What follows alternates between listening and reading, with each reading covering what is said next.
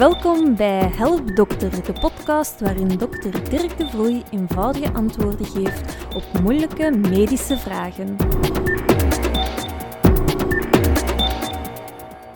Welkom bij de eerste aflevering van de podcast Help Dokter.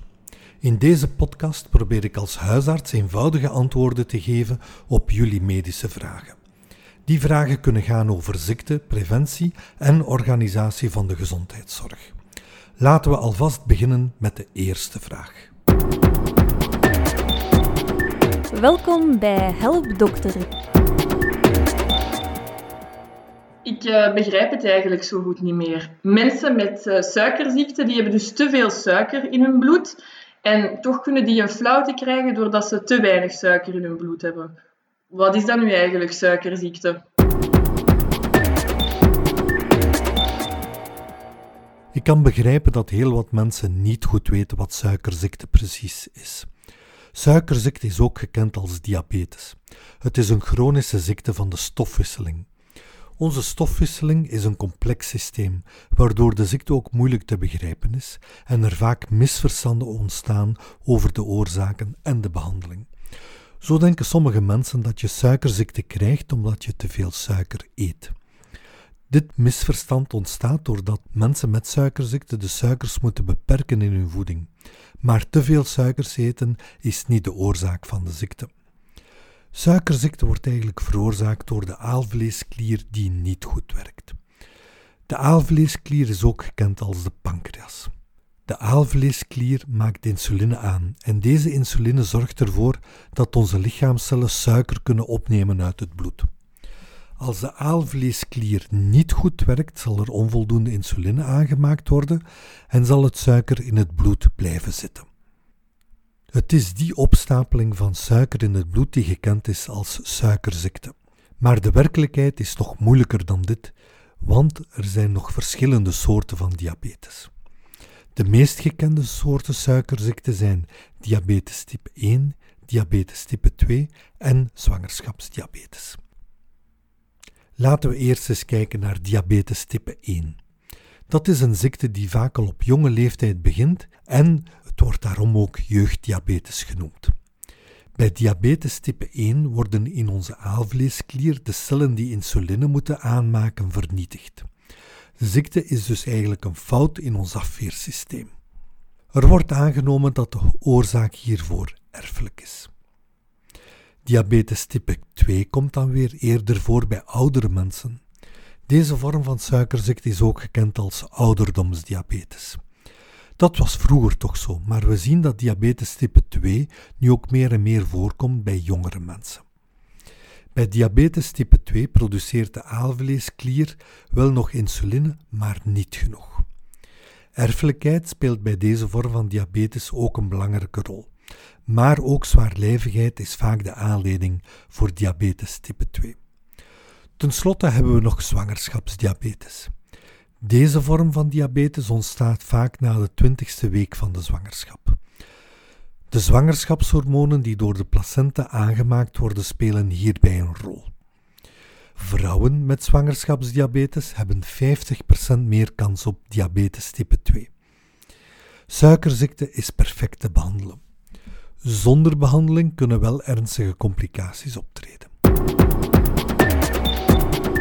Welkom bij Help Dokter. Ik ben 78 jaar en zou graag een coronaprik willen. Mijn partner is 81 en kreeg wel al een vierde prik. Mijn partner is kerngezond, maar ik moet veel medicamenten innemen voor allerlei ziektes en ben dus per definitie meer kwetsbaar. Waarom krijg ik als chronische zieke van 78 jaar geen vierde coronaprik en mijn gezonde partner van 81 jaar wel.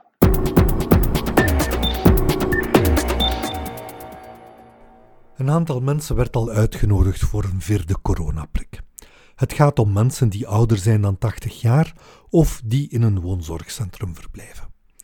Ook mensen met een verminderde immuniteit komen in aanmerking voor de vierde prik.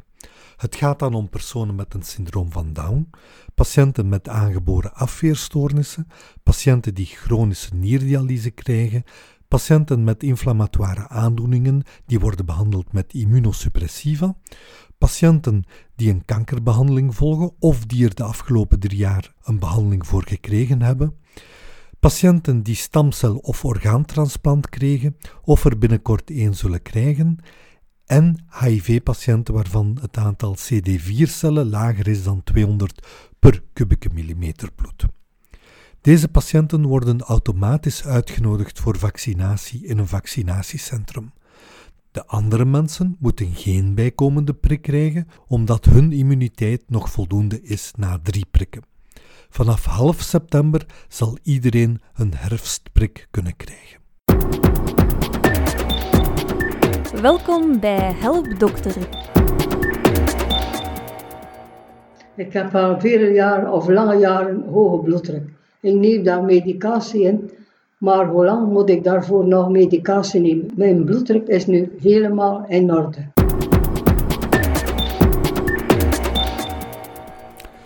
Dit is een vraag die door veel mensen met hoge bloeddruk gesteld wordt.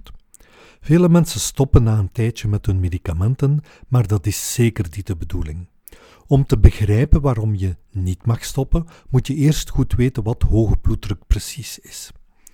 Hoge bloeddruk wordt door artsen ook wel eens hypertensie genoemd. Het is een ziekte die vaak weinig of geen symptomen geeft. Maar als hoge bloeddruk niet behandeld wordt, dan kan er op lange termijn onherstelbare schade aangericht worden aan het hart, de hersenen, de bloedvaten, de ogen en de nieren. Ik zal eerst even uitleggen wat de bloeddruk is. De bloeddruk is de druk die in het bloed uitgeoefend wordt op de slagaderwanden. Die druk wordt uitgedrukt in een bovendruk en een onderdruk. De bovendruk of systolische bloeddruk is de druk in de slagaders op het ogenblik dat het hart samentrekt. De onderdruk of diastolische bloeddruk is de druk in de slagaders op het ogenblik dat het hart in rust is. De bloeddruk wordt uitgedrukt in millimeter kwik, bijvoorbeeld 140 over 90 millimeter kwik, of in centimeter kwik, bijvoorbeeld 14 over 9 centimeter kwik. De bloeddruk zal de hele dag schommelen. Bij emoties of inspanningen of na de maaltijd stijgt de bloeddruk. S'nachts zal de bloeddruk dalen. We spreken van een hoge bloeddruk als de bloeddruk 140 mm kwik of meer is en of de onderdruk 90 mm kwik of meer is. Ongeveer 1 op 4 volwassen Belgen heeft een bloeddruk die te hoog is. Het risico om hoge bloeddruk te hebben neemt toe met de leeftijd. Maar er zijn ook andere oorzaken van hoge bloeddruk, zoals overgewicht, onvoldoende lichaamsbeweging en ongezonde levensstijl. Meestal zal er echter geen oorzaak gevonden worden voor de hoge bloeddruk. De kans op hart- en vaatziekten stijgt aanzienlijk als er nog andere risicofactoren aanwezig zijn, zoals suikerziekte, nierlijden en of een te hoge cholesterol. De behandeling van hoge bloeddruk start niet meteen met medicamenten, maar eerst moet de levensstijl aangepast worden indien deze niet goed is. De levensstijl kan aangepast worden door te stoppen met roken, voldoende lichaamsbeweging, aanpak van overgewicht of een gezonde voeding waarbij minder zout, minder verzadigde vetzuren en gematigd alcoholgebruik een gunstige invloed hebben op de bloeddruk. Vermageren en meer lichaamsbeweging verlagen de bloeddruk, maar zijn meestal niet voldoende om de bloeddruk te normaliseren. Maar het kan de nood aan medicamenten wel verkleinen. Indien de aanpassing van de levensstijl niet voldoende is, dan zijn bloeddrukverlagende geneesmiddelen aangewezen. Deze medicamenten verminderen het risico op sterfte, beroerte en hartaanval. De behandeling bestaat uit één enkel medicament of een combinatie van meerdere geneesmiddelen. Door de inname van de medicamenten zal de bloeddruk normaliseren. Maar eens men stopt met de medicamenten, zal een paar dagen of een paar weken daarna de bloeddruk terug toenemen.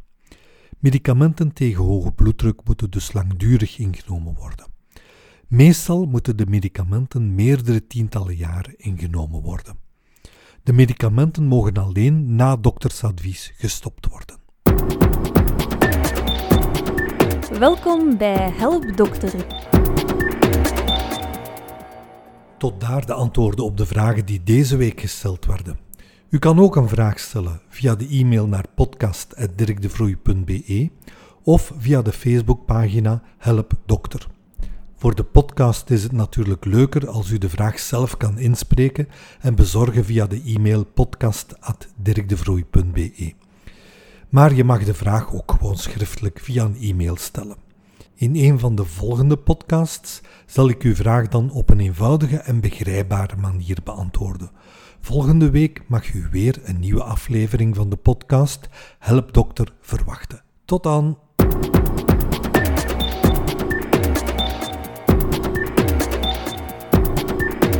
Dit was Help Dokter, de podcast van Dr. Dirk de Vrooij.